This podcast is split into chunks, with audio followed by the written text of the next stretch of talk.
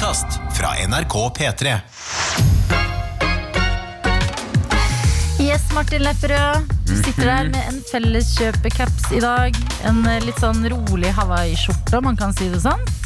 En rolig Hawaii-skjorte, felleskjøpecaps, og jeg har fått tilbake brillene mine. Ja. Så jeg ser klarere nå enn noen gang. Du har vært hjemme hos mamma og pappa og lett og lett og funnet brillene dine. Ja, ikke lett og lett. Nei. Jeg uh, satte meg i sofaen, så på bordet. Hæ? Der er det noen som ser kjent ut. Hva er dette? Tok de på? Oi, det er brillene mine, jo!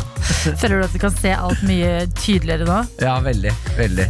Klarte du liksom, eller Fikk du sånn symbolsk at du klarer å se ting mye klarere òg? Sånn ah, 'jeg har det bra her i livet'.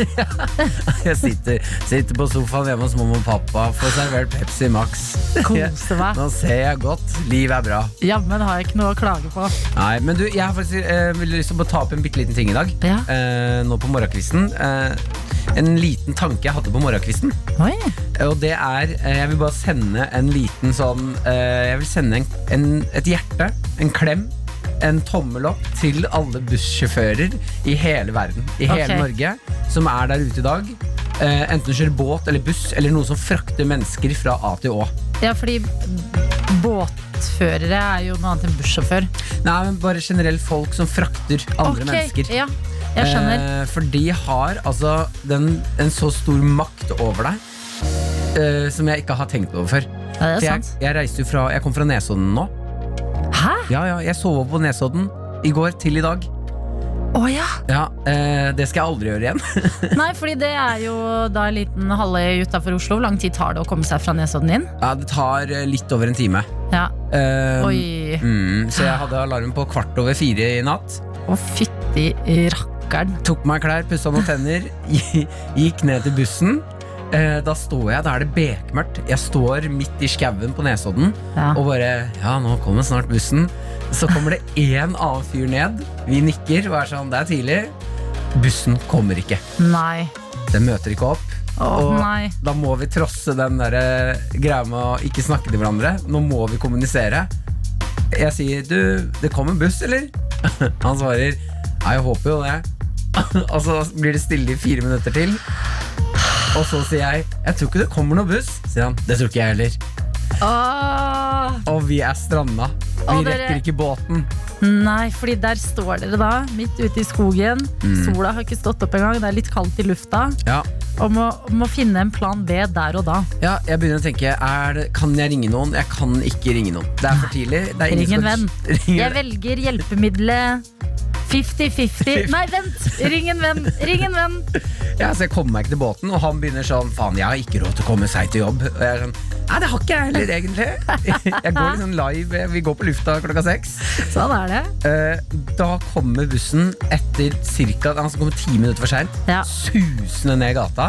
Oh. Jeg har aldri vært så glad for å se bussen før. Ja, det skjønner jeg. Og bare, jeg så på bussen Altså han som kjørte bussen, Ja. og bare Tusen takk for at du kjører meg til brygga. Ja, sa du det? Det sa jeg ikke. Nei, men, men du sa tenkte det? Sa han noe, bussjåføren, når han omsider kjørte inn? Ja, han sa vel bare sånn Kom dere på bussen, vi har jævla dårlig tid. Fordi rundt neste sving så er det også to som står og bare Hva skjer da? Ja, ja, hele veien. Så jeg, Ja, så egentlig- ja, jeg vil bare sende en, eh, en ordentlig ordentlig tusen takk til alle som eh, kjører frakte frakter mennesker. Ja, og da vil jeg sende særlig T-banesjåfører, for de kan jeg si en ting om T-banen. Mm. Eh, Det er vel Er det bare Oslo som har T-bane i Norge? Kan ikke huske at det har vært noen andre steder jeg har bodd. Nei, det er vel bare Oslo. Men uansett, jeg glemmer at det er mennesker som kjører dem. Fordi de sitter i et eget lite rom helt til liksom starten av eh, Ja. vognene. Så for meg så tenker jeg at T-bane det er noe som automatisk kommer og går. Sånn funker det, men det er jo folk der òg. Ja, jeg syns også det samme med båt. Ja, Når man tar ferjer og sånn. Den ferjen bare kommer, så går man på, og så går man av. ja. Men det sitter mennesker oppi, oppi toppen der og styrer og holder på og jobber. Så moralen er det sitter mennesker bak alle disse tingene vi gjør hver eneste dag. Er du et menneske som sitter bak nå? Tusen takk. Takk, herregud. Tenk så avhengig vi er av dere. Kan Har du hatt en eh, fin start på morgenen, da? Ja, litt. Å nei, hva har skjedd? Å, hallo, jeg er så flau. Eller ikke flau, men um, jeg har litt dårlig selvtillit i dag. Fordi jeg våkna i dag altså, til en kvise. Oh, ja. Her, nå peker jeg litt sånn over leppa mi. Skal det ikke mer enn en kvise til før selvtilliten Ja, men det er bare noe utrolig trist med å liksom stå opp klokka ti over fem på en mandag morgen. Mm. Tenke sånn, yes, ny uke, det går bra, jeg gleder meg. Mye Ja. skal skje i dagens sending. Jeg har ikke sett Martin på noen dager. Man er gira. Eh, og så må jeg liksom da bruke tid, fordi den, den var så Den var Jo, så stygg. Ja da, den er der. Men du, dette ser nesten ut som sånn uh, kjønnhetsflekk. Eh, skjønnhetsflekk. Ja. Ja, ok. Det er jo koselig, det. Nei, men Sånn som de hadde før i tida. Maria Antoinette og sånn, som hadde en sånn liten flekk. Som man tegner på. Ja. Ja, men det jeg måtte var å klemme denne kvisa. Mm. Og det var så vondt, og den blødde. Og da tok jeg meg selv i. Jeg bare Klokka er kvart over fem. Ja. Og her står jeg, 27 år gammel, starter dagen med kviseklemming. Og så ble jeg litt sånn åh. Ja, men du, Tenk deg den dagen du ikke får noen flere kviser lenger, da. Jeg tror ikke den dagen kommer, jeg. Jeg tror tror det er en løgn. Mamma og pappa, jeg har ikke sett de få kviser på Har du ikke det? Nei, det kan jeg ikke huske. Ja. Jeg kan ikke huske mamma og Ja, men da er man gammel. Nei, det er det jeg mener. Den dagen kommer jo. Ja, jeg mener den dagen du ikke får lov til å poppe kviser lenger. Ja, det er sant. Ja, Ah, faen, er du så heldig her? er. jeg skal poppe noen kviser. Vi er heldige vi som våkner til nye quizer i dag, for da kan vi tenke yes, vi er unge, det går bra. London Grammar med en av verdens beste låter. Såpass ærlige må vi jo bare være. Strong. Det er det vi har hørt. Fem minutter på halv syv her hos oss, og det er mandag, folkens. Der, der stotra du litt grann mot slutten. Du, var, du starta bra. Det er mandag. og vi er i gang, var det jeg skulle si. Og grunnen til at vi vet det, det er fordi det er livstegn i innboksene våre. Ja, både på SMS og Snapchat. Vi har med oss Tina på Snap her som skriver God morgen. I dag har jeg og kjæresten vært sammen i ett år. Får ikke møttes pga. korona, men jeg følger han til jobben via telefonen, selv om jeg egentlig har fri og kan sove mange flere timer. Men alt er verdt det for kjærligheten, og da får jeg også være sammen med dere på morgenen. Åh, Tina! Ja. Herregud, Hvilket brukernavn er det på den snappen? Er det Teen Jo? Mm, kan jeg si det? Ja, du okay. kan det. Nei, det er ikke det. Oh, ja, okay. oh, for det er en fast snapper. Ja. Tina, en annen Tina. Og da tenkte jeg bare, har det gått meg hus forbi at eh, Tina har fått seg eh, kjæreste? Å, nei, Men det er dette, hyggelig. dette er Tina Andersen. Tina Tina Andersen, Gratulerer med ettårsdagen. Ja, og eh, gratulerer med å ha stått opp i dag. Det er helt fantastisk. Det har også Sunniva gjort. Hun er lærer for 2B. Ja! Er ikke det cute? 2B. 2B. Og hun skriver god morgen. I dag smeller det også for alle oss barneskolelærere. Klassebamsen den er fortsatt i karantene, men vi andre vi skal tilbake. Og jeg gleder meg til å sikkert høre 14 forskjellige historier om hvor mange tenner ungene har mista i sommer. Hverdagen starter nå, og det er i grunnen ganske fint. Det har jeg glemt. Lærere, lærere altså de får tilbake elevene sine i dag. Ja, Ja, I dag smeller det for absolutt alle lærere. Det blir Wow. støkt. Det kommer til å bli støkt, dere. Lykke til. Det blir mye hormoner og tenner som har vokst ut i sommer. Å, men det som er fint, det dere må være på utkikk etter, det føler jeg sånn første skoledag. Da har man alltid litt sånn nye, fine klær. At alle på en måte, selv om det er litt tungt å komme seg opp i dag og starte uka og sånne ting, så har alle, alle gleder seg litt sånn, har kanskje lagt frem klær i går og ser litt fine ut. Sånn box fresh, uh, fresh sko. Ja, så det, det ser jeg kos. Lærere. Vi har også med oss uh, en elektriker Lars, som han kaller seg her. God morgen, skal inn i dusjen og våkne til en ny uke. Det er altså en film han har sendt meg. Ja. Altså Han chugger en hel sånn uh, smoothie. Altså Oi. Den største typen, en liter. Ok, Men du ser den fra den er full til uh... Nei, det er ganske mye igjen. Tar seg en god slurk, starter dagen, hopper i dusjen. Hvorfor ikke? tenker jeg. God, god dusj til deg, og uh, god start på uka di. Husk å vaske rumpa. Viktig det. Hobbybonde er med oss. Uh, og det som har skjedd, det er Jeg koser meg med melding, meldingene vi får inn hver dag av Hobbybonde fordi han har fått seg hund. og eh, jeg har jo veldig lyst på hund i livet. Du har jo hund. Og man tenker sånn det blir så romantisk og koselig og fint, og man bare går tur, og alt er nydelig. Eh, men eh, Hobbybonde starter meldingen sin med Helvete, så eh, det var en jævlig start på dagen i dag med 10 000 knott som prøver å tappe meg for alt blodet mitt. Åh. Eh, og så eh, fortsetter det. Og som ikke det var nok, så skal hunden stoppe å pisse og snuse på alt. Med vennlig hilsen trøtt hobbybonde. Ja, Det fine du kan ta ut av det hobbybonde, er jo at du kan du tenke deg sånn Så, så heldig jeg er som har masse blod. Ja, det kan du tenke. Ja. Ja, ja, ja. Og du kan tenke så heldig jeg er som har en hund. Åh, Ja. Hunder. Ja, så det her er det bare Jeg skjønner at det er slitsomt på en mandag morgen, men Hobbybåndet, du har det egentlig veldig fint. Det tror jeg også. Ja, Det tror jeg du skjønner selv hvis du tenker over det. Og til alle dere andre som har stått opp og skal begynne dagen, enten du har startet på jobb forrige uke, eller kanskje ikke har hatt så lang ferie, vært i det. Det er kjempehyggelig at dere har lyst til å starte dagen sammen med oss. Det Vi setter vi megapris på. er tilgjengelig på SMS 1987 med kodeord P3 eller Snapchat NRK P3morgen der. Ja, Det er det bare å dele hva dere skal i dag, hvor dere skal, hva som er planen. Hva dere spiser til frokost. Ingenting er for lite for oss. Nei, ingenting. Det er noen av dere som pleier å være sånn herre Og endelig hadde jeg noe å sende inn. Eh, og det er alltid gøy når dere sender inn litt sånne her ekstra spesielle ting. Men de helt vanlige hverdagstingene, de liker vi også veldig godt.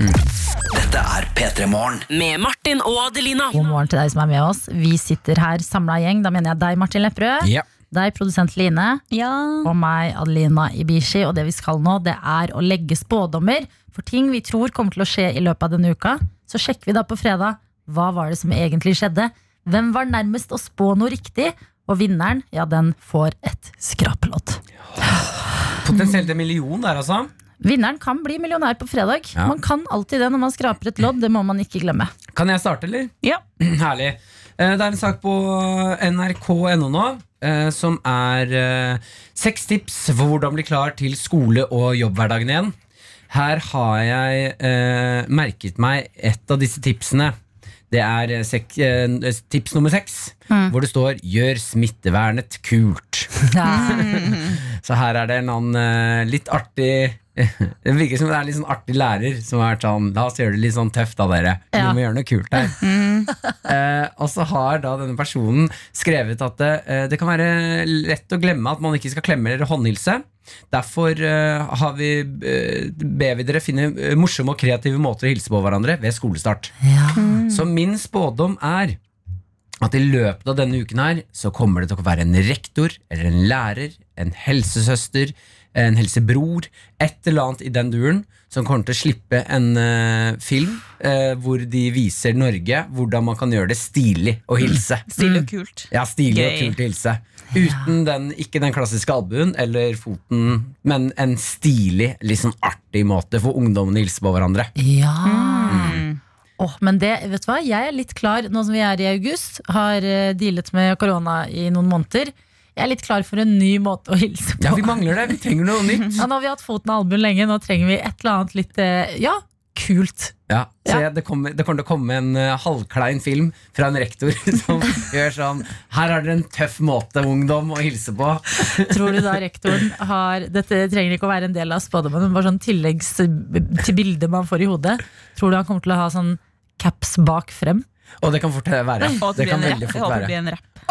Hvis det blir en rapp, da trenger jeg ikke noe mer i livet mitt. Oh, dette, er, dette er en god spådom, Lepperød. Jeg håper det skjer. Veldig god. Jeg har også en spådom, Ja. eh, og det handler om munnbind. Det er jo eh, veldig i vinden nå. Før Ja. helgen så følte jeg at alt handlet om munnbind. Eh, Det var så mange saker om munnbind. eh, Hvor, hvordan man skal ta dem på, hvordan man ikke skal ta dem på, når de skal brukes, når de ikke skal brukes, osv. osv.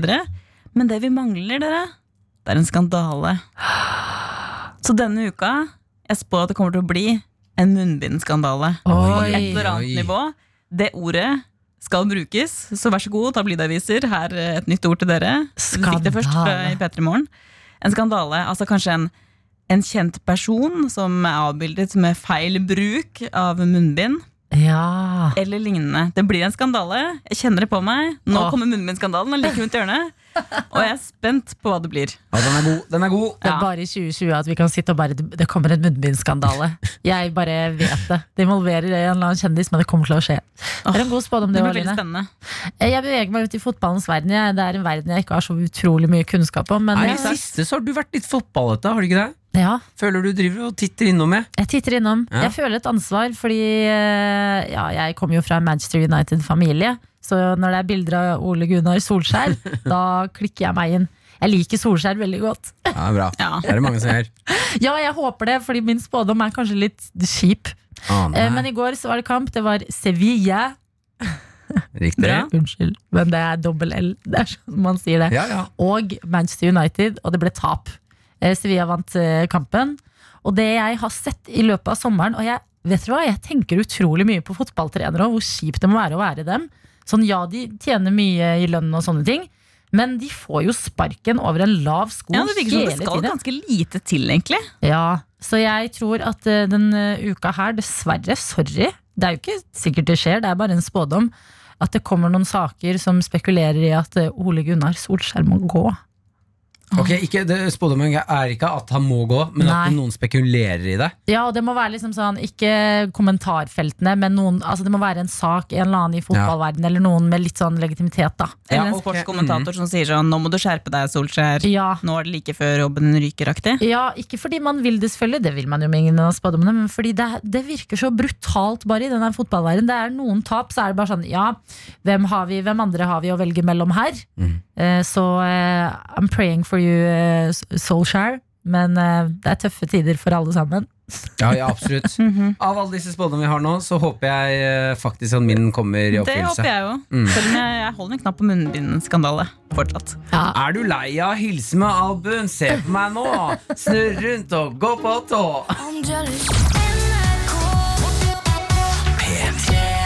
Og du som vurderer å gå på fjelltur er glad i det. Eh, her kommer en liten sak vi må snakke om, bare for å minne folk om at eh, vær forsiktige. Okay. Eh, det har vært noen på Sunnmøre, på Saksa. Saksa? Ja, Det er et fjell, et utrolig fint, fint fjell. Et av de mest populære toppene. Ganske langt, tøft fjell å gå opp. Her har Jonas Røykås og Sara Brixler, et kjærestepar fra Oslo, Ja. vært innom. Ha. De gikk opp på fjellet, og det er da 20 grader, kjempefint vær ute. Oh. Eh, kommer opp på toppen. De er ikke så erfarne eh, turgåere, står det her på NRK. Eh, så de var utrolig slitne når de kom opp. Ja, det skjønner jeg jo, hvis det er en eh, høy topp. Ja, det er 1700 et- 1073 meter over havet. Så det, det, det, er, det, er en god, det er en god tur opp. Eh, de kommer seg opp og eh, legger, tar opp teltet. Det er helt sånn, altså det, beskrives som mest idyllisk noen gang. da Ja. Legger seg i teltet for å sove. Våkner på natta av at det har bygd opp til storm. Nei. Og det begynner å lyne og tordne.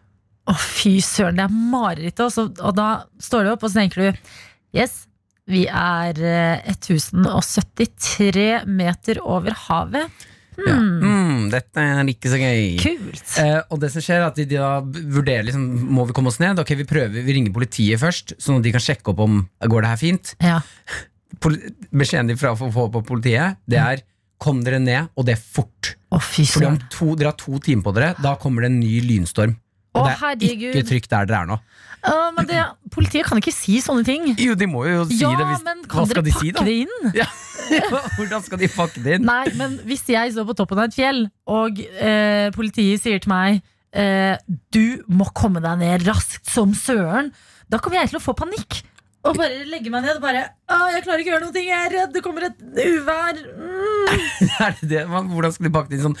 Ok, jeg hører Det som er viktig nå Vi ser at det er litt dårlig vær på vei, så det som er veldig viktig for dere nå, det er bare å prioritere å komme dere ned. Og hvis dere får det til litt fort, så er det, det Altså jo fortere, jo bedre, men det er ikke noe hastverk her. Sånn maksimalt to timer. Ikke bruk Ja. noe mer enn det. Ja, Ca. to timer, da burde det være i rute. Sånn, ikke, gi, hvis du skal gi en dårlig beskjed, gi den alltid pakka inn i masse bomull og sukker og, Og bare, ting som jeg er bra. syns du er kjempeflink som har gått opp på det fjellturen. Og har dere gått opp til Saksa, ja? Herregud, er det så bra! Men det er på tide å komme seg ned. Da håper jeg dere har nytt god utsikt og kost dere masse. Hatt en kjempefin tur, men nå er det veien ned som gjelder. De kom seg ned, da. Ja. Eh, etter eh, to og en halv time så var de på ned, eh, nede fra Saksa igjen. Takk Gud. Ja, eh, har eh, bare slå, altså De sa jo de har fått skader, for de har ramla på vei ned flere ganger. Så de har slått seg litt. Grann. Oh, meg. Eh, og det jeg bare synes er litt gøy i den saken her, er at de sa at de var så slitne at de kommer seg ikke opp. Mm. Eh, og det de har fått beskjed om da, er skriv på tur Facebook, en Facebook-gruppe som Ja. er sånn turgåer i fjellet. Eh, da kan noen som er erfarne, gå opp og hente tingene deres. Ah. Dette er det en som har sagt ja til, og han skriver i saken at eh, jeg sa ja, men når jeg kom opp, så var det litt mer ting enn jeg trodde. Ha. Beklager. Sånn er vi, vi eh, byfolk når vi først skal opp i fjellet. Vi tror vi trenger absolutt alt Ja. av hjemmet vårt med Dette er P3 Morgen. Med Martin og Adelina. The Baby.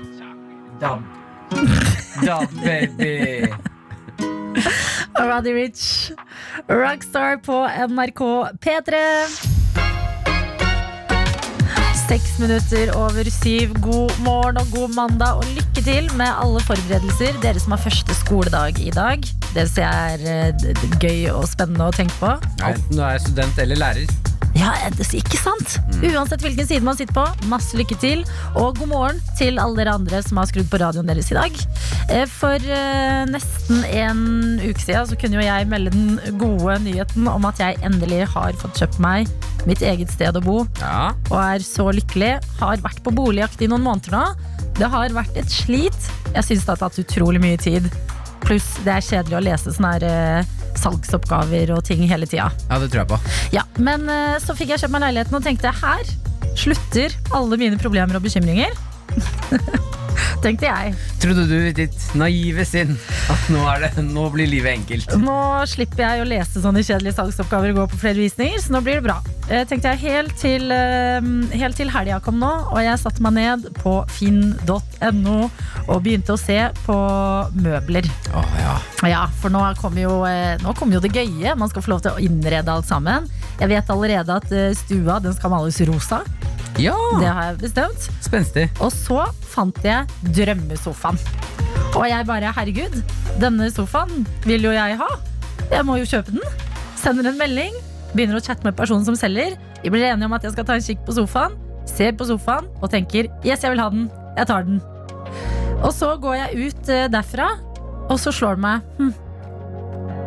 Mm, Hvordan flytter man en sofa? Å nei!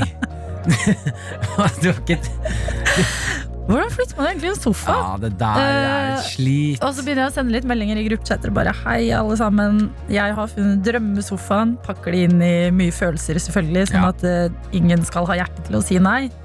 Og folk er sånn Å ja, nei, jeg har ikke noe bil. Nei, jeg har ikke noe bil. Mm. Nei, dette går ikke. Og eh, altså Det er så kjedelig, alle sånne praktiske ting i livet. Ja, jeg er helt enig, Ja. men det er en uh, kjapp løsning på det her. da Hva da? Det er noe som heter rent a wreck. Ja, men uh, det fins mange leieting, det vet jeg jo. Men jeg hater å styre med sånne, leie, sånn, åh, sånne ting. Jeg synes det Problemet da er at de gøye tingene, som å velge å plukke ut ting på internett, og hva man vil ha og sånt, det elsker jeg. Å frakte de og fikse de, det hater jeg. Ja. Og jeg merker at det er et problem i denne prosessen jeg nå skal inn i, som er på en måte å innrede et hjem. da Ja, men det å innrede et hjem Det handler også om å, å frakte og sånne ting. Ja. Så jeg tror at det er en viktig Jeg tror på helt ærlig at det er en viktig del av prosessen å jobbe litt for den sofaen. Mm. Ja. For den sofaen, når du har båret den inn i en bil, opp noen trapper, inn i leiligheten, satt den på plass, så vil den sofaen smake så mye bedre når du setter deg inn. Ja, tror du det, altså? Ja, virkelig. Ja, dette har jo du erfaring med. Ja. Det å jobbe litt for eh, hjemmet sitt. Når du først får det på plass, da, så man så, da blir man så mye stoltere og og mer glad i hjemmet sitt. Da. Å ja. Det er rart du sier det, for jeg driver bare og delegerer alle arbeidsoppgaver. jeg. Ja, Til hvem da? Ja, til folk i livet mitt. Ja, Det er ikke noe lurt. Nei. Du burde gjøre det sjæl. Ja, jeg merker jo det. Skal, Ja. Men det jeg i hvert fall har lært på, er at jeg skal begynne å planlegge ting før jeg kjøper de. Ikke liksom kjøpe de og så finne ut av hvordan de fraktes. Ja, for Det er kjipt å sende melding til han eller hun på Finn og si sånn Hei, du, jeg Ja. kan ikke ta sofaen likevel. Hadde ikke bil. Ja. Nei, det hadde vært så flaut at da hadde jeg båret den om jeg måtte. Men har du ordna Hva gjør du med sofaen, da? Nei, den flyttes. Jeg har venner i livet som, Som har for biler. deg? Ja. Fader, altså. Hva da, Martin? Ja, men, Jeg er en singel jente i Oslo. Foreldrene mine bor ikke i denne byen engang. Vennene mine har ikke bil. Skal, hvordan skal jeg fikse ting uten venner? rent a rent, du leier deg en varebil. Ja, men jeg liker ikke å kjøre bil i Oslo. Det er greit. Det er greit. Det ordner seg. Det blir sofa, men uh, jeg hadde tenkt å dele det her som et lite tips på en måte til andre der ute som er litt som meg, litt spontanshoppende på finn.no og, og interiørfronten. Men kanskje det ikke finnes så veldig mange andre som meg akkurat der. Jo, det tror jeg nok. Ja, tror Ja, det? jeg syns det er et fint tips. Ok, til dere, vi står sammen i det her. Eh, tenk, tenk litt over fraktmetodene før dere går bananas og handler ting. Da vil jeg bare slenge med et lite tips At eh, sofa og sånne type ting Det går ikke på bussen Nei. Eh, Da blir bussjåføren veldig sint For jeg tok med sofaen min på bussen Mm. Ja. Da fikk jeg høre på høyttaler Hei, du med, bu du med sofaen Dette er ikke en flyttebil Kan du gå ut? Så måtte jeg bære sofaen dør. ut Å, fy søren. Ja. Nei, det er uh, mange ting man skal lære her i livet. Uh, bil og frakting, det er uh, Ja, det er for voksne Ja, det er så kjipt det der Vi er når du ikke helt der ennå Nei, vi er ikke det. Nei, jeg det. Så må vi være det. Nei, jeg skal ikke klage. Nå har jeg leilighet. leilighet.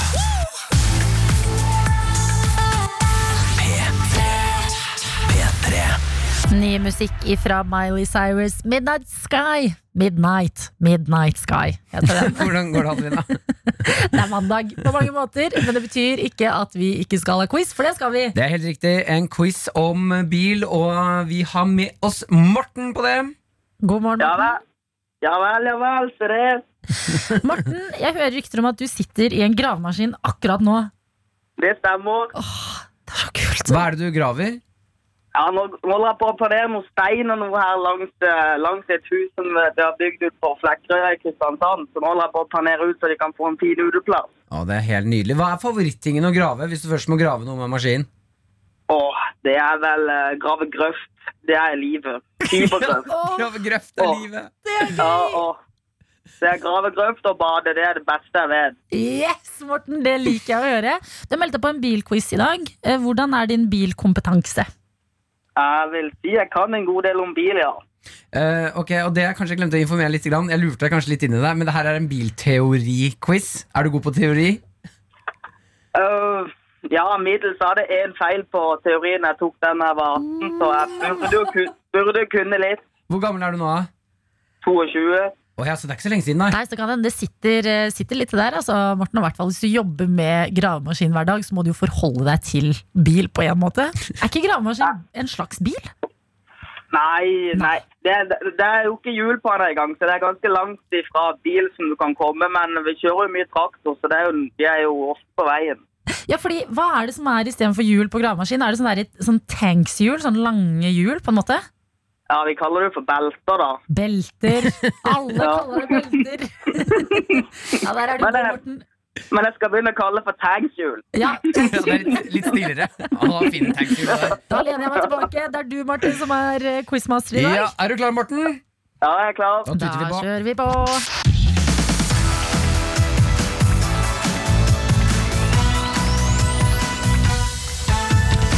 Hvor fort kan du kjøre bil som har en tilhenger uten bremser bakpå?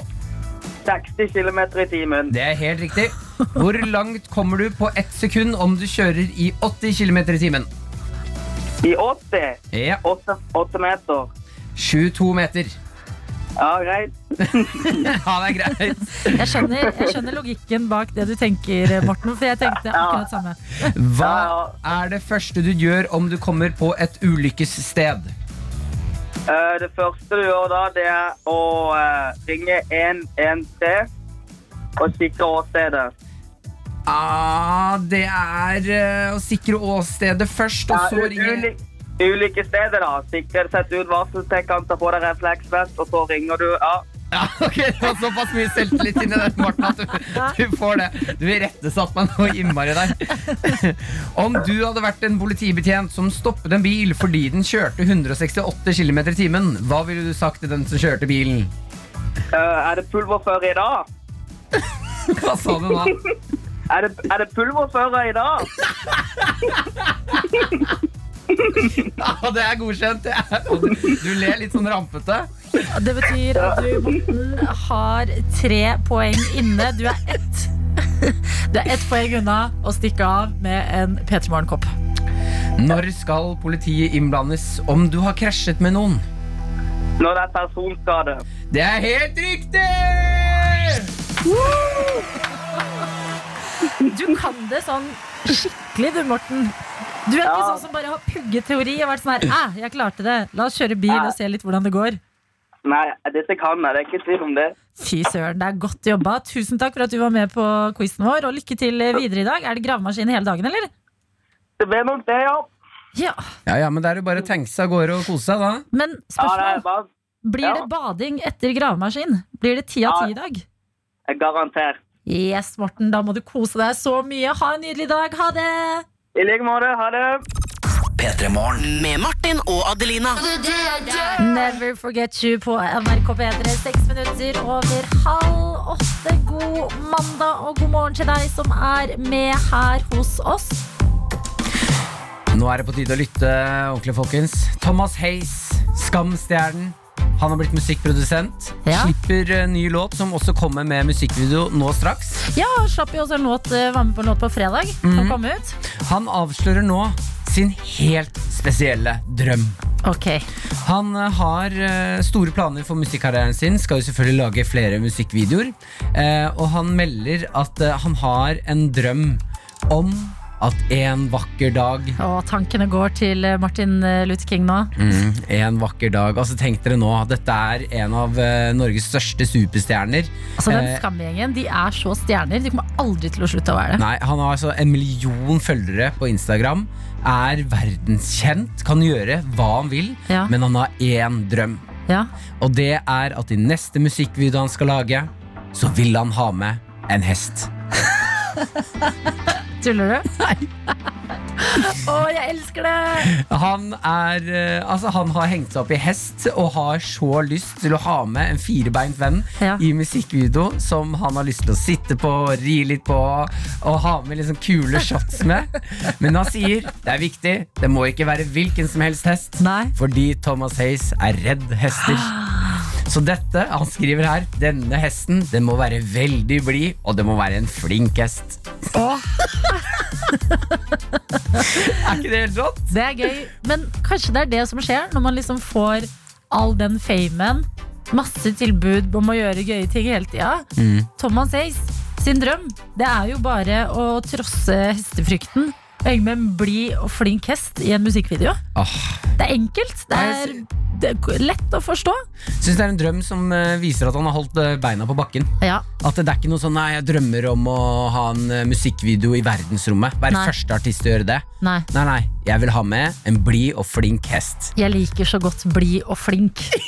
Fordi hva, hvordan er en hest blid? Ja, det må jo da, Hvis du snakker med hestefolk, så må det da kunne gå an å liksom avgjøre om det er en blid eller ikke blid hest. det? Ler hester? Ja, det vil jeg tro. Tror du det? vet du hva? Om Nei. de ikke gjør det, så velger jeg, Jeg- å tro at de gjør det. Jeg Klarer ikke å se når dyr smiler. Folk er sånn, Se hunden smiler, og sånn, og så er det Ja, men smiler den? Eller er den bare veldig sliten? og Er sånn, Logrer kan du. Logrer kan du se, ja. Nettopp. Mm. Det er hundens smil. Ja. Men hva er hestens smil? Nei, det er et godt spørsmål. Jeg Så godt kjenner jeg ikke hester. Tenk hvis Thomas jo- Hayes får verdens snilleste, flinkeste hest. Den er kjempefin. Eh, Den er eh, perfekt for musikkvideoen. Så bare mm, Nei, den er ikke blid nok. Jeg må ha en blidere hest. Ja, det må være en blid hest. Jeg håper også han kommer med musikkvideoen, og så spør de etterpå sånn Hvordan gikk det med musikkvideoen Thomas Hayes? Ja. Åh, det gikk veldig bra. Jeg hadde en skikkelig flink og blid hest.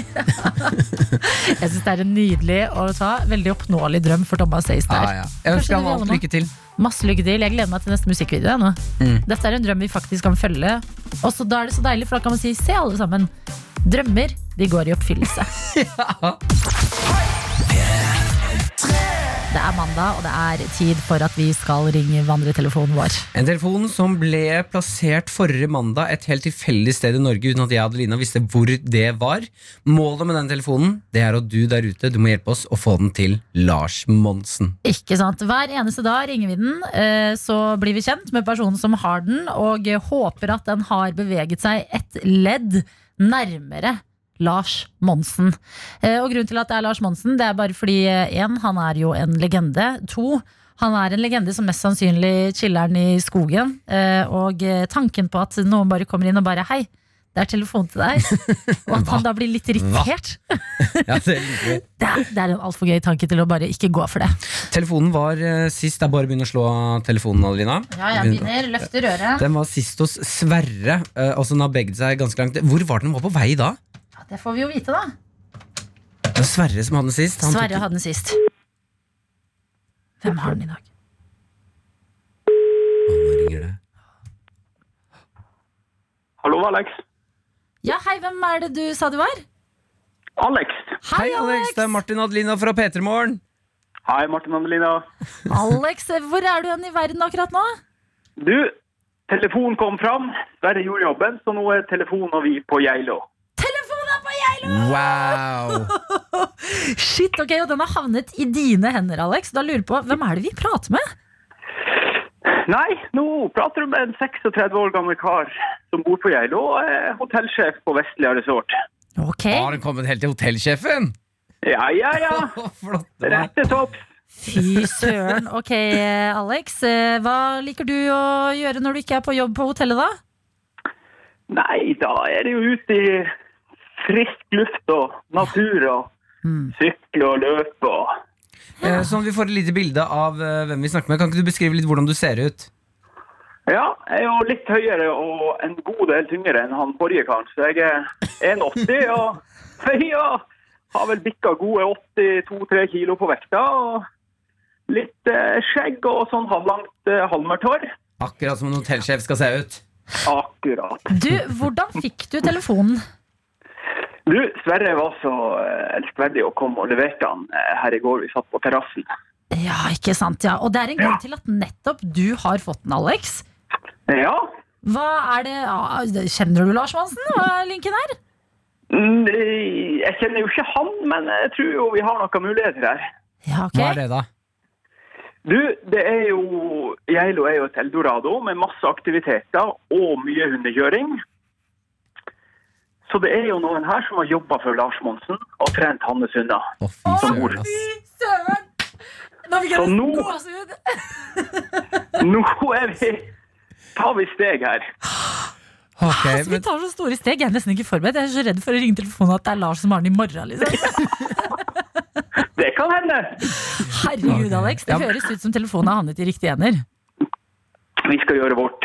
ok, det er helt nydelig. Ett opp steg, ett steg nærmere Lars Monsen. Det er alt vi kan be om. Du, husk, Kan du eh, ta en selfie på mobilen for oss?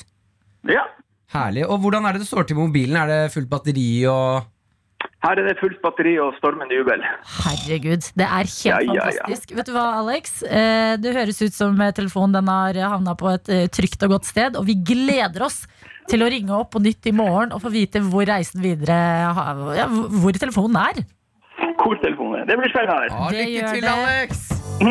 Lykke til, og ha en nydelig takk. dag, da. Ha det, ha det. Takk for det. Ha det. P3 Morgen. P3 Morgen med Martin og Adelina. Hvor vi har fått storfint besøk denne mandagen og kan si god morgen og velkommen til deg, helseminister Bent Høie. Tusen takk. Åh, Bent Høie, jeg har tenkt så mye på deg, fordi nå er det mye Det er mye Bent Høie i monitor, på skjerm, som er ute og gir råd, er alltid på jobb. Hvordan går det med deg? Nei, Det går veldig bra med meg. og Jeg har, har jo hatt en veldig fin sommer og fikk slappet litt av. Og da, og så er det jo litt mer eh, arbeid igjen nå, da. Men eh, jeg har hatt en fin helg hjemme i Stavanger. Og, Men du har, du har vel ikke hatt noen ferie, du, eller? Jeg hadde ferie, jo. Jeg hadde ferie, Så jeg hadde fire uker ferie. Jeg jobbet litt hver dag, men allikevel så hadde jeg eh, feriefølelsen. Så det var fint. Men hva gjorde du? Kan du dele litt hva du gjorde i ferien? Ja, Vi starta med å være hyttevakt på Skålatårnet, for mannen min er jo generalsekretær i Turistforeningen, så vi var litt sånn frivillig der. Og så eh, Men var, hva, Hyttevakt? Ja. Hva går det ut på? Nei, Det går ut på at du er der og tar imot de som eh, skal bo på, på hyttene, og passer på at de følger smittereglene, og at alt eh, går eh, fint for seg. Altså, Du kom deg ikke unna den? Jeg kom ikke helt unna den eh, passe på. Men da kan jeg tenke meg at de som sjekker inn på den hytta, de tar smittevern på alvor. Altså, hvis jeg, du står der kanskje i sivilklær og har Ja, ja, ferie og slapper av, men altså folk, da tar de det på alvor. Ja, Det var noen som ble overrasket. Jeg hadde gått eh, 1800 meter etterpå, så sto jeg der og tok de imot. Ja. Velkommen inn, her er rommet ditt. Ok, Så hyttevakt. Har du badet? Har du Ja, reist det har vært rundt i ikke så mye bading, for jeg har vært, eh, men var mest hjemme i Stavanger. Og det, det har jo ikke akkurat det, Juli var ikke veldig varm, så det var liksom ikke sånn badesommer. Men eh, slappet av. Ja. Var mye ute i hagen og kost oss. og Vært med eh, venner. og- Når du da er sånn uh, hyttevakt og passer litt på smittevernregler utover sommeren, og sånne type ting glemmer du deg selv noen ganger? Ja, jeg gjør det. Jeg tror alle det, Jeg tror ikke noen kan ta hånda på hjertet og si jeg har gjort alt riktig hele sommeren. Og det var jo også sånn, når vi gikk inn i sommeren, så var det jo veldig lite smitte. Og vi hadde jo gjort, hatt en ganske grå og litt traurig vår. Ja. Så vi trengte jo en, en sommer, og jeg tror vi trengte å senke skuldrene litt òg. Jeg tror mange eh, gjennom sommeren eh, eh, ja, at det var lett å glemme seg litt ut og ikke være så nøye, fordi en følte ikke det var så alvorlig. Ja, men, men det kan jeg skrive under på. Og det er som du sier, jeg tror mange trengte det også. At det hadde vært en rar vår. Ja. Man har opplevd masse nytt, kanskje mista jobben. Endelig er det sommer, man kan liksom lene seg litt tilbake. Men eh, ut av sommeren var situasjonen litt annerledes. Og jeg lurer på, var dette en del av planen? Dette vi er i nå? Ja, altså Faktisk er det jo ikke så veldig langt ifra sånn som vi regnet med det kom til å bli. Jeg tror eh, det kom gjerne litt kjappere. Eh, at En hadde gjerne tenkt at det kom til å gå noen uker til. Men vi visste jo at når vi åpner litt opp, eh, når eh, eh, vi har stått i det en stund og folk begynner å bli litt slitne, og at eh, flere har vært ute og reist og sånn, så det er en kombinasjon av mange ting, så visste vi at viruset ville blusse opp Ja. eh, noen steder. Og det er det det det har gjort, og så eh, prøver vi da å slå det ned, som det heter, der som det blusser opp, gjennom å teste og spore og isolere. Ikke sant? Så er dette her Det som skjer nå, er det det vi kaller andrebølgen? Nei. Eh, andrebølgen, da ville vi i tilfelle vært i en situasjon der vi hadde veldig mange eh, smitta samtidig i hele landet. Eh, og det håper vi å unngå å komme i. Å, men det som betyr at det som vi opplever nå, det må vi være forberedt på eh, kommer til å skje eh, egentlig ganske lang tid framover til vi får en vaksine. Sånn at vi kunne oppleve sånn som i Indre Østfold nå, for eksempel, at det plutselig blir mange smitta, og så blir det gjort veldig strenge tiltak der, men ikke nødvendigvis at eh, tiltakene er de samme i hele landet. Okay, Ok, så vi er ikke i eh, For det er det jeg har inntrykk av. At vi går egentlig bare ut og venter på den andre bølgen. Men det er det ikke sikkert kommer til å skje. Det er ikke sikkert det kommer til å skje, og hvis vi lykkes med den måten vi tenker på å jobbe nå, så vil ikke den komme. Da vil vi eh, ha Det, er som vi sier, ha kontroll, da. Og det betyr eh, Og det som er det aller, aller viktigste da, det er jo at vi er flinke med disse de, Egentlig de enkleste tingene som ikke koster så mye for oss å gjøre. Det er holde en meters avstand, Vaske hendene. ofte, være hjemme hvis vi er syke.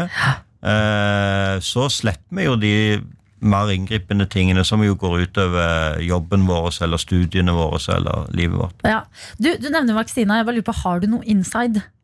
Vet du noe? Altså, kan vi stole? Russland har vært ute og bare Hei, hei, vi tror, hvordan ligger vi Ja, det, veldig, det, det kom en veldig god nyhet på fredag. Okay. Eh, da inngikk jo EU den første avtalen om en vaksine med et firma som heter AstraZeneca. Eh, og den, eh, den såkalte Oxford-vaksinen det er en av de mest lovende vaksinene. Og den, eh, hvis alt går etter planen og alt går bra, så kan den være tilgjengelig rundt juletider. Å, fy søren, livets julegave, da!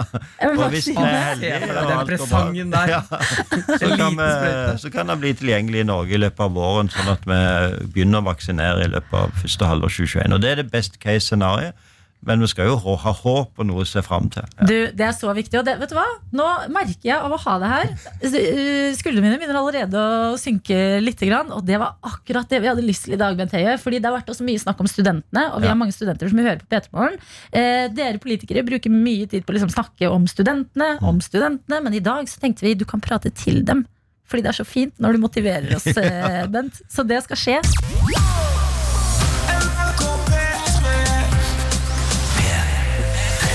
Dag har vi besøk av helseministeren. Bent Høie, du sitter der i stolen, og vi prater om eh, situasjonen vi nå eh, er i litt sånn på nytt. Fordi nå eh, er det på vei oppover med smittetallene, og det har vært veldig mye fokus på studentene de siste par ukene. Eh, kanskje ikke så rart med tanke på fadderuker og alt sånn. Eh, men eh, eh, var vi ikke forberedt på hva fadderuker går ut på sånn eh, festemessig? Jo da, vi var det, og ikke minst de som har ansvar for fadderukene, altså studentene sjøl, var jo kjempeforberedt. De hadde jo, har gjort en enorm eh, flott jobb med å forberede fadderuker som kunne gjennomføres og allikevel være smittefaglig riktig. da. Så masse studentorganisasjoner, de som er frivillige der, har jo brukt sommeren til å forberede trygge studentuker. Og så er det jo selvfølgelig sånn at eh, så alle disse studentfestene i regi av studentforeningen, sånn, de er jo avlyst. Men så er det jo selvfølgelig sånn at når unge voksne møtes igjen etter ferien og på et nytt sted og sånt, og så selv om fadderuken gjennomføres på en god måte, så vil jo folk treffes om kvelden. Og det prøvde vi da å fortelle at da er det viktig å passe på de generelle reglene. Men er det sånn, fordi det er jo noen da som har festet litt mye og vært litt mye sammen, og sånne ting, eh, som man da kanskje ikke har nådd helt igjennom til, med tanke på liksom smittevernregler og sånn. Har dere noen tanker rundt liksom, hvordan skal man nå ut til de? Nei, jeg tror at det som jo var nytt da etter sommeren, og som jeg, gjerne ikke fanga opp tidlig nok, det er at eh, før eh, i mars, da, da var det jo middelaldrende menn, altså sånn som meg, som hadde vært i Østerrike på skiferie og afterski, eh, som kom hjem. Eh, så det var jo den aldersgruppa da det var flest smitta. Eh, når vi var på tampen av sommeren, ikke bare i Norge, men òg i Europa, så var det en eh, ganske stor økning blant eh, unge voksne i mellom 20 og 30. Eh, Så det var en litt sånn ny situasjon. Og det som er spesielt med den aldersgruppa, er at de kan jo være smitta og ha veldig milde symptomer eller ikke symptomer i det hele tatt. Og det, det jeg tror jeg ikke vi klarte å fortelle raskt nok. Eh, og, og da er det jo lett å tenke at eh, ja, men jeg er jo ikke syk, og det er ikke så farlig, jeg tåler dette, dette bra. Og det er jo eh, det er jo sånn at eh, selv om en selv gjerne kan tåle det bra, så hvis en smitter andre, så, så vil det jo kunne bevege seg inn mot de som ikke tåler det så bra. Men sånn som eh, Fordi én ting er de eh, middelaldrende mennene som har vært på skiferie. De ser for meg har store hvis, de, hvis du kan ha en sånn fin ferie, så har du kanskje et stort eh, hus med en hage, har liksom litt plass rundt deg. Men veldig mange studenter har jo en, kanskje ikke har hage i det hele tatt, bor i eh, bitte små leiligheter med fire andre. Så man, man har kanskje et litt annet behov for å være sosial, da, i hvert fall i en litt sånn ny sårbar situasjon i livet som student i en ny by, kjenner ingen. Sånn, hvordan, hvordan kan folk være eh, nye studenter i en ny by som bor trangt og kanskje litt dårlig, og fortsatt eh, huske at det er korona? Kan du si noe til dem, liksom? Ja, For det første så syns jeg at øh, den aldersgruppa har gjort en kjempejobb. Altså, Vi må huske at de som ofra russefeiringen, er òg de som nå fikk annen fadderuke. Det er jo akkurat de samme folka. Eh, og de har virkelig ofra mye for, eh, for fellesskapet og for den dugnaden. Så jeg er jo først og fremst utrolig takknemlig eh, for den jobben som, som de gjør. Og så er det jo sånn at ja, fadderuken de har jo vært de aller fleste stedene. Og der har han jo fått møtt de, de som jeg skal studere med, han har blitt kjent på campus osv. Og, eh, og det har vært utrolig viktig. og Derfor var jeg veldig klar på at vi skal ikke avlyse fadderuka. Den må være der, for det er så viktig. Eh, og det er, har så mye å si for studiet at du blir kjent med folk i begynnelsen.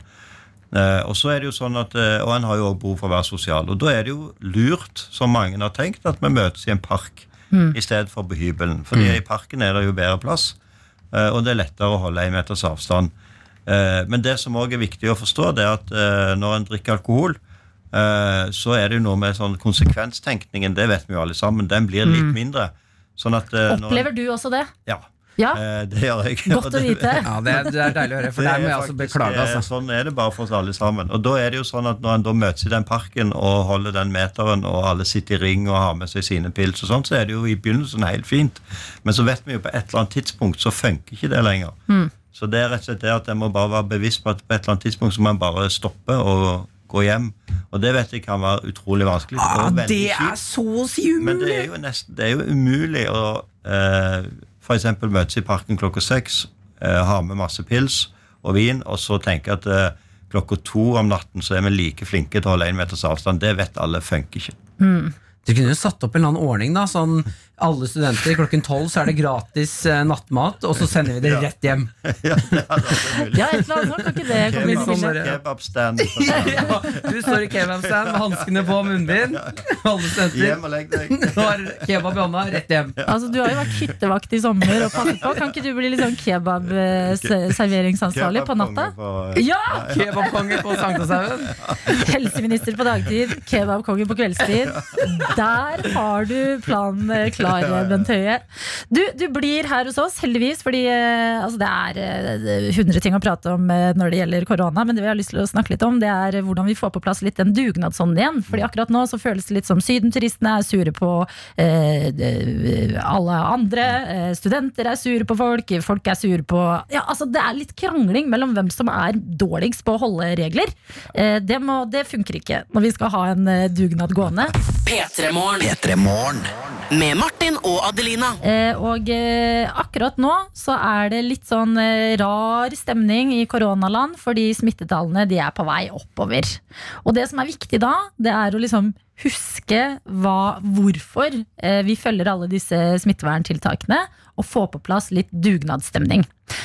Eh, Føler du litt at det er dårlig stemning mellom forskjellige grupper i samfunnet? Fordi man liksom legger inn eh, tiltak, noen tiltak for de som vil reise til Syden, eh, studenter, kulturbransjen er jo veldig lei seg fordi at de må stenge i mye større grad nå. Kjenner du på det? At det er litt sånn ah, Nå er det litt sånn oppdelte gjenger her. Ja, det er litt sånn eh, skyld. Eh, at en er opptatt av å eh, finne ut hvem er det som egentlig hadde skylden. Var det de som reiste til Syden, eller var det ungdommene som festa? Eh, og hvem er det som liksom er mest har fått mest konsekvensen av det. Og det er, det er jeg veldig redd for. fordi shaming er egentlig viruset sin beste venn. Eh, og det handler ikke om skyld. og det, kommer ingenting godt ut av den type reaksjoner. Selv om jeg forstår at mange når en blir redd, så er det naturlig å bli sint, og en prøver å finne noen som en kan bli sint på. Det er helt naturlig, men eh, for eh, arbeidet mot viruset, som alle er opptatt av, så hjelper det ikke. Og det har også historien lært oss. Eh, når vi hadde hiv-epidemien på 80- og 90-tallet, eh, så drev en òg med det. Eh, Det var skambelagt å bli smitta. Du hadde sjøl skylda fordi du var blitt smitta, og det førte jo bare til at eh, folk lot være å teste seg. De lot være å fortelle hvem de hadde vært i sammen med. Og det er litt av det samme som jeg er redd for, eh, for nå. Så jeg så eh, bartenderen i Haugesund for eksempel, som bare sto fram i lokalavis og sa det var jeg som var på jobb. Eh, fordi hun fikk så mye tyn. Det var veldig bra gjort, fordi vi kan ikke holde på på den måten. For det var jeg ikke klar over heller. Tanken på at det er litt flaut å bli smitta. Ja, og det blir det veldig fort være, fordi at hvis det er sånn at eh, hvis vi skaper en stemning på at hvis du er smitta, så er det du sjøl som har gjort noe dumt eller noe feil, eh, så, er det, så, er, så får du den følelsen. Og da er det litt sånn da tar det litt lengre før du tar opp den telefonen og ringer til legen og sier du, eller tar kontakt og sier jeg har behov for å bli testa, fordi du er redd for at eh, du skal liksom føle at eh, ok, du var en idiot som gjorde det ene eller det andre. Og det er jo sånn at Vi kan alle være uheldige og bli smitta. Vi gjør alle dumme ting. Det er jo ikke sånn at noen av oss her i denne situasjonen opptrer 100% korrekt. Og, vi, og, og, og dessuten så finnes det tusen ulike gode grunner for at vi gjør ulike valg i livet som gjerne utenfra, andre utenfor stående ikke har muligheten til å dømme deg i forhold til. Og så kan det jo bare være ren, skjær uflaks. Det er ren altså, skjær du tok uflaks på feil håndtak, liksom. sant? Ja, det er veldig, så dette er noe som kan skje med oss alle sammen. Så vi må bare slutte med den shamingen i denne situasjonen Mm. og se at dette kan eh, skje oss alle sammen. Og så må vi heller tenke at hvis du er så uheldig å bli smitta, så er det eh, Eller hvis du tenker sjøl at ja, jeg, gjorde, jeg gjorde noe veldig dumt, og det førte til at jeg ble smitta, så skal du ikke føle skam knytta til det. Det eneste du skal gjøre, det er å eh, teste deg og, og isolere deg hvis du er positiv. Og Da er det egentlig ganske fint, for det, hvis du gjorde noe dumt i går, så kan du rette opp feilen og gjøre det riktig i dag. Men hvordan eh, Fordi altså, ingen vil tilbake til hvordan det var i mars, april og alt det der. Sånn alle, selvfølgelig har jo alle lyst på at eh, samfunnet skal holde, seg, holde smittetallene lave. alt det der. Hvordan, eh, bli, altså, hvordan blir vi alle venner nå? Hvordan blir vi alle venner? Men sånn, eh, alle gruppene må jo stå samla i denne dugnaden. Hvordan gjør vi det? Det er rett og slett å tenke at nå er det en, alle for en og en for alle. Og det betyr at uh, vi må bare eh, liksom eh, forstå at dette handler om og, både om alle rundt oss som er glad i, og så handler det om oss sjøl. Sånn det handler om at jeg holder den meteren og lar være å ta den klemmen. Eh, Rett og slett fordi at jeg eh, ikke vil at eh, min bestemor, som tåler dette viruset dårlig, skal bli smitta. Eller rett og slett også fordi at er du student, så har du gjerne fått en ekstrajobb på en bar eller på en butikk. Eller, så vet du jo det at hvis smitten øker, så er det min jobb som blir ramma. Og du, ingen ønsker seg tilbake igjen til i mars. Så vi må bare finne den motivasjonen og, og holde ut. Og det tror jeg de aller aller fleste vil, vil klare. Og ikke bli sinte på hverandre, Ikke eller bli bli flaue hvis vi blir smitta av korona. Ja. Ja. Nei, men Det syns jeg er eh, en ryddig plan. Jeg håper virkelig at vi ser deg på natterstid servere kebab til ungdom, Bent Høie. Og sender dem hjem på døra igjen. Altså, Det er alt vi ønsker oss. Du skjønner det nå? Ja, jeg forstår det. Du skjønner at du har planta et bilde av at du er kebabkongen i en hodet vårt? nå ut, ja. Ja, Det er nydelig. Takk til deg, Bent Høie, for at du kom innom P3 Morgen. Minte oss på hvorfor det er viktig at vi fortsatt har korona på eh, alvor. Weekend på NRK P3 og In Your Eyes. Her hos oss i P3 Morgen, hvor du, Snapmaster, Martin Lepperød sitter og scroller på mobilen. Det er riktig, Vi har fått litt informasjon på Snapchat her. Ja. Uh, her er det fra Kristina.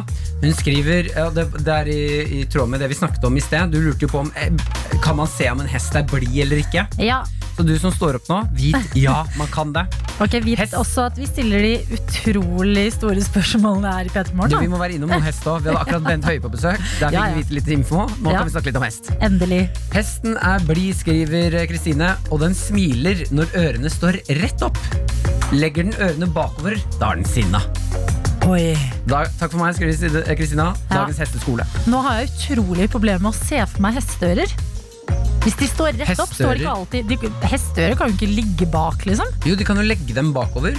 Nei. Jo, Kan har, de Nå må du se for deg en hest. Jeg ser for meg det. Men det er ikke sånn at, den, at, at, at ørene legger seg ikke sånn zup, bakover. Sånn Nei. rett bakover Men de, du kan jo se om en hest drar ørene bakover. Ja. Det er sånn som hund nå. Så kan du se noen hundeører bevege seg. ja, men hundeører kan jo være lange. Ja, da En cocker spaniel, liksom. Ja. Da ser du, å, de, de ørene er veldig lett å se hvordan de beveger seg. Jeg bare har det ikke like klart med hest, men Få se på en YouTube-video. ja, jeg, skal se, jeg skal ta tak i dette. Ja, gjør det. Lover. Vi har også fått uh, snap fra København. God morgen, spørsmålstegn fra en som har sovet to timer i natt. Men jeg flytter i dag for å ta master. Flytter hva da innad i Kjøben? Ja, til København. Ja. Å, så gøy! Mm. Åh, folkens. Det er så fint at noen kan dra noen steder og fortsatt uh, kjøre på med de planene man hadde, selv om corona times. Og så har vi også fått med oss uh, Dette er vel kanskje den yngste som har sendt snap som jeg vet om til nå. Hei, står det her fra Linus. Jeg er en gutt på 12-13 år. Ja, og det er det hyggeligste. Jeg klarte nesten ikke å sove i natt fordi jeg skal starte på ungdomsskolen. Ja! Åh. Det er så vakkert å tenke på Ja, at i dag er det mange spente elever rundt omkring som begynner på skolen igjen. Skal i gang med nytt år, har kanskje på seg en ekstra fresh outfit som man har gjort klar til den første skoledagen. Men da må jeg si, den derre tension som står, altså som er i rommet når du sitter på ungdomsskolen, og så skal læreren rope opp hvilken klasse du er i, Ja. og så kommer klassen, så hører du liksom sånn, en rope sånn Erlend i klasse 9C. Ja. Og så vet du sånn Erlend, det er bestevennen min. Jeg må, på den, jeg må i den klassen. Ja. Og når du ikke da kommer med, og du ser Erlend forsvinne ut i gangen ja, det var brutalt. Ja, det er sånn ah! Men det har man vært gjennom, Fordi det gjør man jo før uh, sommeren. Du får vite klassen, ungdomsskoleklassen før sommeren. Nei, det fikk jeg ikke vite. Fikk du ikke det? Nei, vi fikk vite den på, i, på. Hvorfor er alt så rart på Nesodden? Hvorfor bare følger dere ikke regler? Vet du hva, Vi på Nesodden sier akkurat det samme om alle andre. Hvorfor er det ingen andre som spiser krystaller? Hva er det som skjer? Ja. Å, skal dere vaksinere dere? Det er sikkert lurt. Ok, duster. Nei, men det jeg tenker i dag, er den stemningen når læreren skal rope opp, eh, ha opprop. Når man skal være sånn, skal man gå for noe kult. Sånn der Wait! Å ja. Adelina Ibishi, rappapau! Rappapa, rokoko. Eh, Den, eh, for det, akkurat på det oppropet hos gutter Ja. Det eneste vi gutter fokuserte på når det var opprop, det var 'Jeg håper ikke stemmen min sprekker'. Og Var det det? Ja, stemmeskifte, og du får Martin. Ja, nei. Ah, da ble han fyren. Da ble han fyren. Å nei, men kan dere ikke bare si ja? Ja, det blir også flaut, da. Ja! Overkompasser. Martin. Ja! altså, det er mye greier. Det Altså. er mange feller å gå i Ja. når man skal eh, starte med noe nytt, dra på skolen hver eneste dag, ha første skoledag. Mm. Men dette har vi alle vært igjennom, og det kommer til å gå helt bra. Mm. Masse lykke til med å si ja på opprop i dag, med å finne riktige klasserom, med å komme dere rundt omkring og med å finne ut hva som er digg i kantina.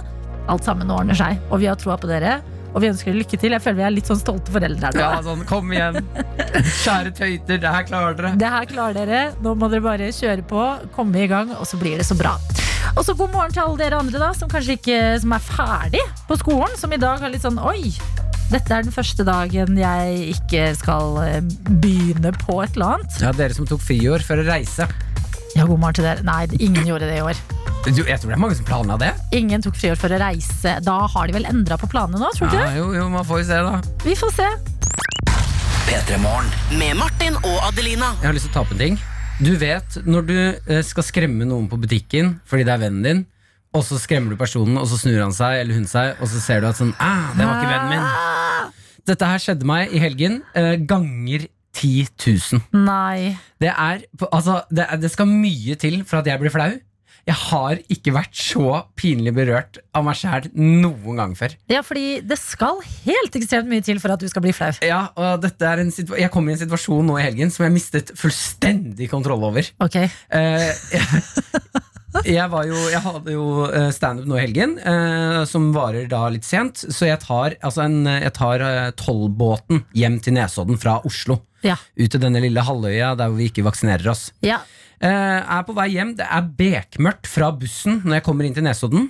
Tar den dit jeg skal. Går eh, gjennom litt sånn, litt sånn skogholt. Det er noen sånn lykter så du vidt liksom ser veien du går på. Jeg er på vei mot huset mitt. Da ringer min kjæreste, som er venter på meg i huset hvor jeg skal, og sier at vent der du er, vi kommer ned og møter deg, for vi skal dra og bade. Så jeg er sånn, ah yes, det blir nattbad på Nesodden. Vi har hørt at det er morild der nede. Det kommer til å bli er god morild. Hva er det? Det er sånn som lyser i vannet når du tar på det. Hæ? Ja, det var morild i vannet nå i helgen. Oi, var det? Ja, helt fantastisk Yes, så gøy. Høres jeg gleder meg i hvert fall jeg kan, Vi kan snakke mer om morild siden. Yes. Um, eh, jeg, også, jeg gleder meg til dette her. Jeg står og venter i et kryss. Det er skog, det er vei, og det er litt sånn ekkelt der. Det er litt sånn skummelt på natta. Ja, Fordi det høres ikke bra ut. Nei, det, det er, litt- jeg syns det er litt ubehagelig å stå der. Ja. Eh, og så tenker jeg sånn, ah, ok, jeg har lyst til å tulle med dem. Så det jeg gjør da, er at jeg Jeg tenkte jeg skulle skremme kjæresten min og de vennene som kommer. Eh, så det Å, jeg gjør da hodet ditt, Martin! det, det, du får en beskjed på mobilen, så bare Ja, jeg er her i mørket, i skogen, og jeg, jeg skal skremme dem. Ja, det er, det, er, det er tanken. Det som skjer da, er at det, du vet sånne store grønne bokser med grus oppi, som står langs noen veier? Å, fy Ja. faen. Ja, det er en sånn rett ved siden av meg i dette krysset. Så du tenker at det er en sånn jumping jack? Ja, ja, sånn jeg jack jeg tenkte at når de går forbi, så bare Så hopper jeg opp fra den. Du er syk i hodet. Ja, eh, jeg klatrer i hvert fall inni den. Det eneste problemet er at det er såpass mye grus at jeg får ikke lukka det lokket helt. Nei. Eh, men jeg klarer å legge meg i en ganske sånn ugunstig posisjon. Jeg, Går det noen tanker gjennom hodet ditt da når du ligger der i litt ugunstig posisjon? absolutt ikke. Det eneste jeg tenker er at dette her å bli gøy. Mm. Eh, jeg legger meg liksom på ryggen, ligger, og jeg må til og med grave litt i den grusen for å få plass til rumpa nedi der. og så får jeg lukka lokket, sånn at liksom, det er bare hodet mitt som stikker ut. Ja. Men jeg tenker at her er det mørkt nok til at de ikke kommer til å se det når de går forbi. Ja. Eh, jeg sitter oppi der kanskje 30 sekunder. De kommer aldri. Mm. Men så kommer det en fremmed mann gående. Nei. Og han er på vei mot dette krysset, hvor jeg sitter oppi den boksen. Klokka er halv ett på natta, og jeg er sånn Nei, nei, nei. nei, nei, nei, nei, nei, nei, nei, nei. Er, For nå kan jeg ikke gå ut av boksen. Ja, Men du så at det var han. Hæ? Åh ok, Så du visste at det ikke var Å ja, ja, jeg så at dette var en fremmed Åh, med en Martin, gang. nå tenkte jeg at du spratt opp av den esken, at Nei, det var nei, en jeg- uh, Nesodden-mann. Jeg så at dette var en fremmed fyr, men han er på vei mot meg. Og jeg er nå en Å, fyr fy. halv ett på natta som har Altså jeg er oppi en sånn grønn boks. Og jeg skjønner at uansett hva jeg gjør nå, så kommer han til å skvette. Så jeg tenker det beste jeg gjør, det er, det er å ligge helt stille og ikke si noe som helst. Ja, for det hadde vært rart hvis du bare Hei, ikke bli redd. Ikke bli redd nå. Ikke, ikke, Men- ikke skvett. Kanskje dette er helt vanlige ting på hippieøya Nei, det er det ikke. Nei, okay. Faktisk ikke. For det som skjer, er at han eh, går forbi. Han ser meg ikke. Jeg tenker åh, han skvatt ikke. Men så klarer jeg å lage en sånn lyd. Så snur han seg. nei, nei. Og det eneste han ser, er en mørk boks der det titter et hode opp ut av den boksen, og at det ligger et menneske nedi. Så han gjør sånn åh! Og så han skvetter Oi! Han blir- skvetter til, og så står, vi, står han helt stille i noen sekunder. For han skjønner ikke hva som skjer, og jeg sier jo ingenting. Nei, For jeg, jeg vet ikke hva jeg skal gjøre. Ja, hva skal du si nå? Ingenting jeg kan gjøre. Det er ingenting du kan si. Så han ender, vi står og stirrer på hverandre noen sånn fire-fem sekunder i Mm. helt stillhet, og så sier han sånn Går det bra? Å, fy! Så må jeg si Ja, det går fint. Jeg skulle bare skremme noen venner. Uh, men de, er, de kommer ikke helt ennå. Å, det er det beste å tenke på. At man bare Han har sett en voksen mann, det er jo det du har blitt, Martin. vet det. Eh, Sitte i en sånn sandkasse og bare Går det bra? Nei, åpenbart går det jo ikke bra. Ja, jeg, jeg skammer meg litt. Grann. Eh, men, det, altså, det var, men han, heldigvis hadde han humor da Når jeg Ja. sa ja, det går fint, skal, jeg skal skremme noen venner, men de er ikke kommet ennå. Ja. De er på vei. Så han var sånn ah, ja, ja, du klarte i hvert fall å skremme meg. Og så gikk han. Å, fy søren, vet du hva. Du er, du er så dust noen ganger. Jeg vet Du klarte jo å skremme vennene dine til slutt. Nei, Nei, de kom de kom bil. aldri. De kom med bil, så de kjørte forbi. Vi kommer oss ikke unna heller uh, dette her trøbbelet som har skjedd i helgen med Petter Northug. Ja. Dette må vi nesten prate litt grann om. Åh, det er rart. Det er veldig rart. Mm. Uh, og altså Man kan jo mene liksom hva man vil om saken, og sånne ting men jeg kom over eh, da litt sånn eh, et eh, klipp fra eh, hjembygda hans Mosvik. Ja, men kan du bare eh, oppklare i tilfelle det noen, eh, noen har vært ute på telttur eller et, ikke har fått med seg nyheten? da Ja, Nyheten er rett og slett at Petter Northug la ut, før media fikk dekke det, en Instagram-post hvor han sa at han hadde driti seg litt ut. Ja. Han har kjørt bil eh, sånn rundt nitiden på lørdag kveld, var det vel? Nei, fredag. Fredag kveld. Eh, han da- Torsdag kveld var det. Torsdag kveld Ja. Så ble han tatt 168 km i timen. Mm. Eh, påvirket av et eller annet. Ja, Mest sannsynlig. De blodprøvene er vel ikke helt klare ennå. Men Nei. det var i hvert fall eh, politiet hadde mistenkt at han var ruspåvirka. Dratt hjem til han. Der hadde de funnet eh, også kokain, da. Ja, og For at politiet skal få lov til å dra hjem til deg, så Mm. må de ha en ganske sterk mistanke. Så det her har det skjedd ting. Altså, no, det har jo, Noe har jo gått galt når du uansett har endt opp med å kjøre 168 km i timen i eh, en 110-sone, tenker jeg. Ja. Eh, På og, vei fra en sånn barneskicamp. Ja. Ja. og det jeg syns er litt sånn synd med den saken, her Det er at eh, Petter Northug har jo vært Han er jo et stort forbilde. Sportsforbilde for ekstremt mange ungdom og voksne som har fulgt han gjennom hele livet. ja, men også en sånn cool guy-forbilde. Sånn, ah, det kommer litt sånn kommentarer. Han er liksom litt sånn ja, Petter Northug er cocky, men vi digger han, på en måte. Ja, så det her liksom påvirker eh, litt alle da som har fulgt Petter når du er glad i han. Og da er det eh, et, eh, en liten reportasje fra Mosvik, som er hjembygda hans, hvor du ant- blant annet møter en litt eldre mann som Jeg syns det er sånn fint at han klarer å gi litt kjærlighet til Petter Northug. Jeg tror det er en ordentlig ungdom. va. Så Petter er fortsatt et godt forbilde, mener du? Ja, jeg mener det. Og her er det jo flere også som uh, melder seg på og sier at uh, Petter Northug, det han har gjort, er ikke bra, og det er veldig veldig alvorlig.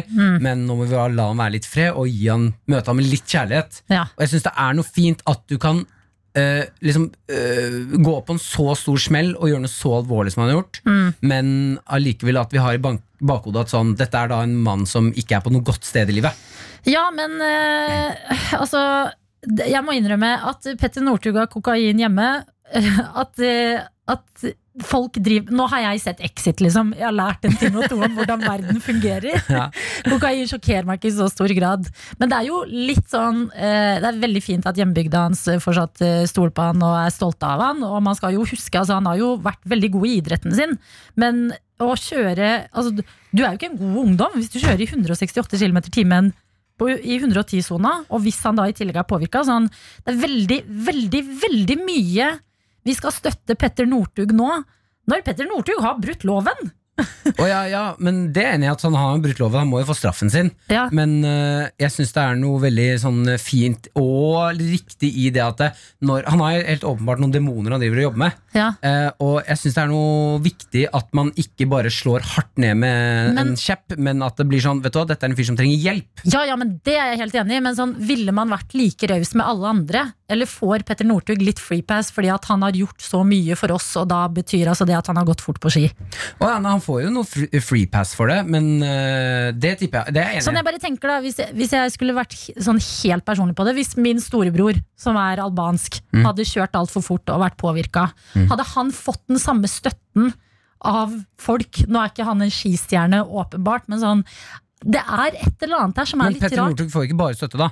Han får jo- mye støtte. Ja, Men broren din, hvis han hadde blitt tatt, så hadde Ja. ikke det vært medieoppslag i hele Norge. Nei, men det hadde vært medieoppslag og lite raushet i møte med sånn derre Folk er idioter som kjører fort i fylla. Det mener jeg man må kunne si. Man må kunne si Vet du hva, Petter Petter Northug, du var kjempegod på ski og alt det der. Og det er kjipt hvis han på en måte må jakte adrenalin på en eller annen eh, Altså kjøre fort i bil, mm. rusa narkotika, hvis han var det. Eh, Men du, du er dust som setter andres liv i fare på den måten. Ja, du, jeg er helt enig. At de to tingene må liksom sånn Ja, man skal selvfølgelig eh, skjønne at noen har det vanskelig nå. Eh, men det betyr ikke at det de gjorde var litt mer ok. Fordi Nei, herregud. Men ok eller ikke, det er jeg helt enig i. Men Ja. jeg mener at det er viktig at vi møter det med kjærlighet. ja, At eh, man ikke begynner å kjeftesmelle på Petter Northug for det han har gjort, men Nei. møter det med Vi vet at han kommer til å få straffen sin, Ja. men vi møter ham med kjærlighet. Og sånn, dette, bare den tanken på at sånn, han har gjort det her dårlige folk rundt seg. Han har gjort Mm. det her på eh, Altså, du har det ikke bra da når du, når du tar kokain og kjører i fylla. Sånn, og da må vi straffe, selvfølgelig. Ja, men det er jo heldigvis veldig liksom bra med eh, eh, norsk eh, straffelov og fengsel. Mm. At eh, det er jo kjærlighet i fokus, eller i hvert fall om ikke kjærlighet, så er det det at man skal komme ut og ikke gjøre det samme igjen. Nei. Og det er jo veldig fint. Ja. At sånn, rehabilitering er jo i fokus her, og det er tydelig at Petter Northug eh, eh, trenger et eller annet, fordi det er jo ikke første gangen heller det er, det er andre gangen. Og da er det ikke bare et uhell, liksom. Nei, men da er det, det er jo et enda større rop om hjelp, da. Ja, Det er det jeg tenker der. ja, Og da syns jeg det er fint at, eh, at han i hvert fall kan komme hjem til hjembygda si Ja. og møte folk med eh, Mosvik vil ta deg godt imot, Petter Northug. Ja. P3 Med Martin og Adelina. Ungdommen er eksperter på PC og data og knytter nyttige tråder til utenlandske stater. Og dermed inn i dataverdenen. Ah, deilig. Eh, Jeg følger en Insta-konto som heter Nachspiel. Den anbefaler jeg på det sterkeste. Eh, Nachspiel har fokusert på eh, trøndersk kultur, kan jeg si. Ok. Er Den beste kulturen. Den beste kulturen. Og i helga så gjør jeg meg oppmerksom på en av mine helter. Eh, Alf Skille han er programleder for Midtnytt på NRK, altså distriktssendinga og nyhetene fra Trøndelag. Og Alf Skille har slått det hjem. da vi kan bare, Jeg har snakka om Alf Skille tidligere, og jeg kan bare gi dere et lite sånn innblikk i hvordan Alf Skille er som programleder. Det var det, og det er det nest siste jeg skal si. For det aller siste, det er god kveld. Det er så bra! Det er så legende å Han gjøre. krydrer enhver nyhetssending. Jeg vet at når jeg slår på distriktssendinga fra Midtnytt, og når jeg ser alt skille på skjermen, ja, da blir det kvalitet. Ja, ja. Og på torsdag eh, så skulle han introdusere at det var Martna i Namsos. Eh, og da kan vi bare høre hvordan man introduserer en Martna på Namsos. Det lukter sprit når det er Martna i Namsos, men det er altså noe helt annet enn det var før. Alle som besøker Namsosmartnan i år, de får seg en skikkelig eh, duns med sprit. Så det er bare en liten sånn tips til dere, da, Lina Martin, hvordan dere kan krydre og bare sånn, dra det tilbake til tidligere hendelser. Hvordan forhold har du til Martna i Namsos? Kanskje det har vært litt fuktig? Da kan vi bare si det på den måten. Så det du prøver å si, er at uh, Alf Skille kunne sitte her og hatt denne jobben? Er det det du prøver å si? Altså, Jeg har hatt en samtale med sjefene, og det er ikke utenkelig at uh, Begynner å søke på jobber, kanskje. Det hadde vært gøy hvis uh, den dagen en av oss er syk, Martin. Om vi får fløyet ned all Skille som eh, programleder. Å, herregud. Ja, Hadde ikke det vært bra? Hvis, for, hvis jeg hadde vært syk, og han hadde vært pro- gjesteprogramleder da, f- vikar, så hadde jeg tenkt sånn Ja, der mista jeg jobben. Nå, nå kommer jeg ikke tilbake igjen. Nei. Nå drar Adelina fra meg. eh, og så videre, da. Og det, det er 20 magiske sekunder som var fra torsdagen som var her nå. For først så introduserer en eh, Namsos og Martnan der. Og så går han rett over i en nyhetssak om en okse. Og det er det som er høydepunktet. For å høre på det her. Og så skal vi hilse på en okse som rømte fra slakteriet, og sånn oss imellom.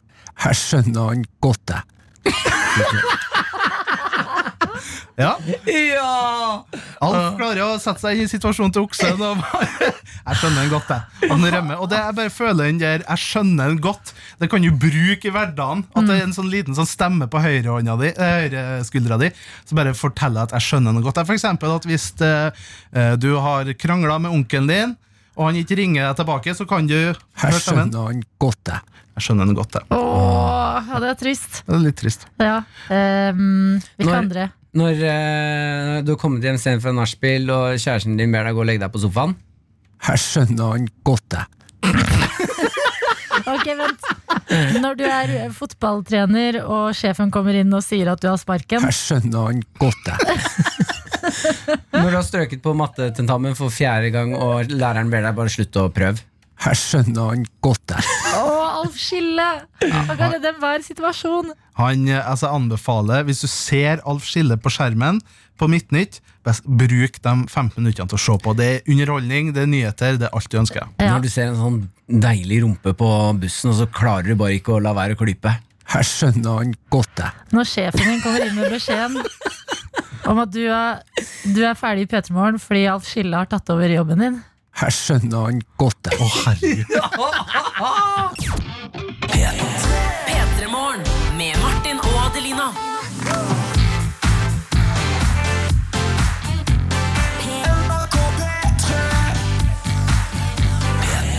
Du har hørt en podkast fra NRK P3.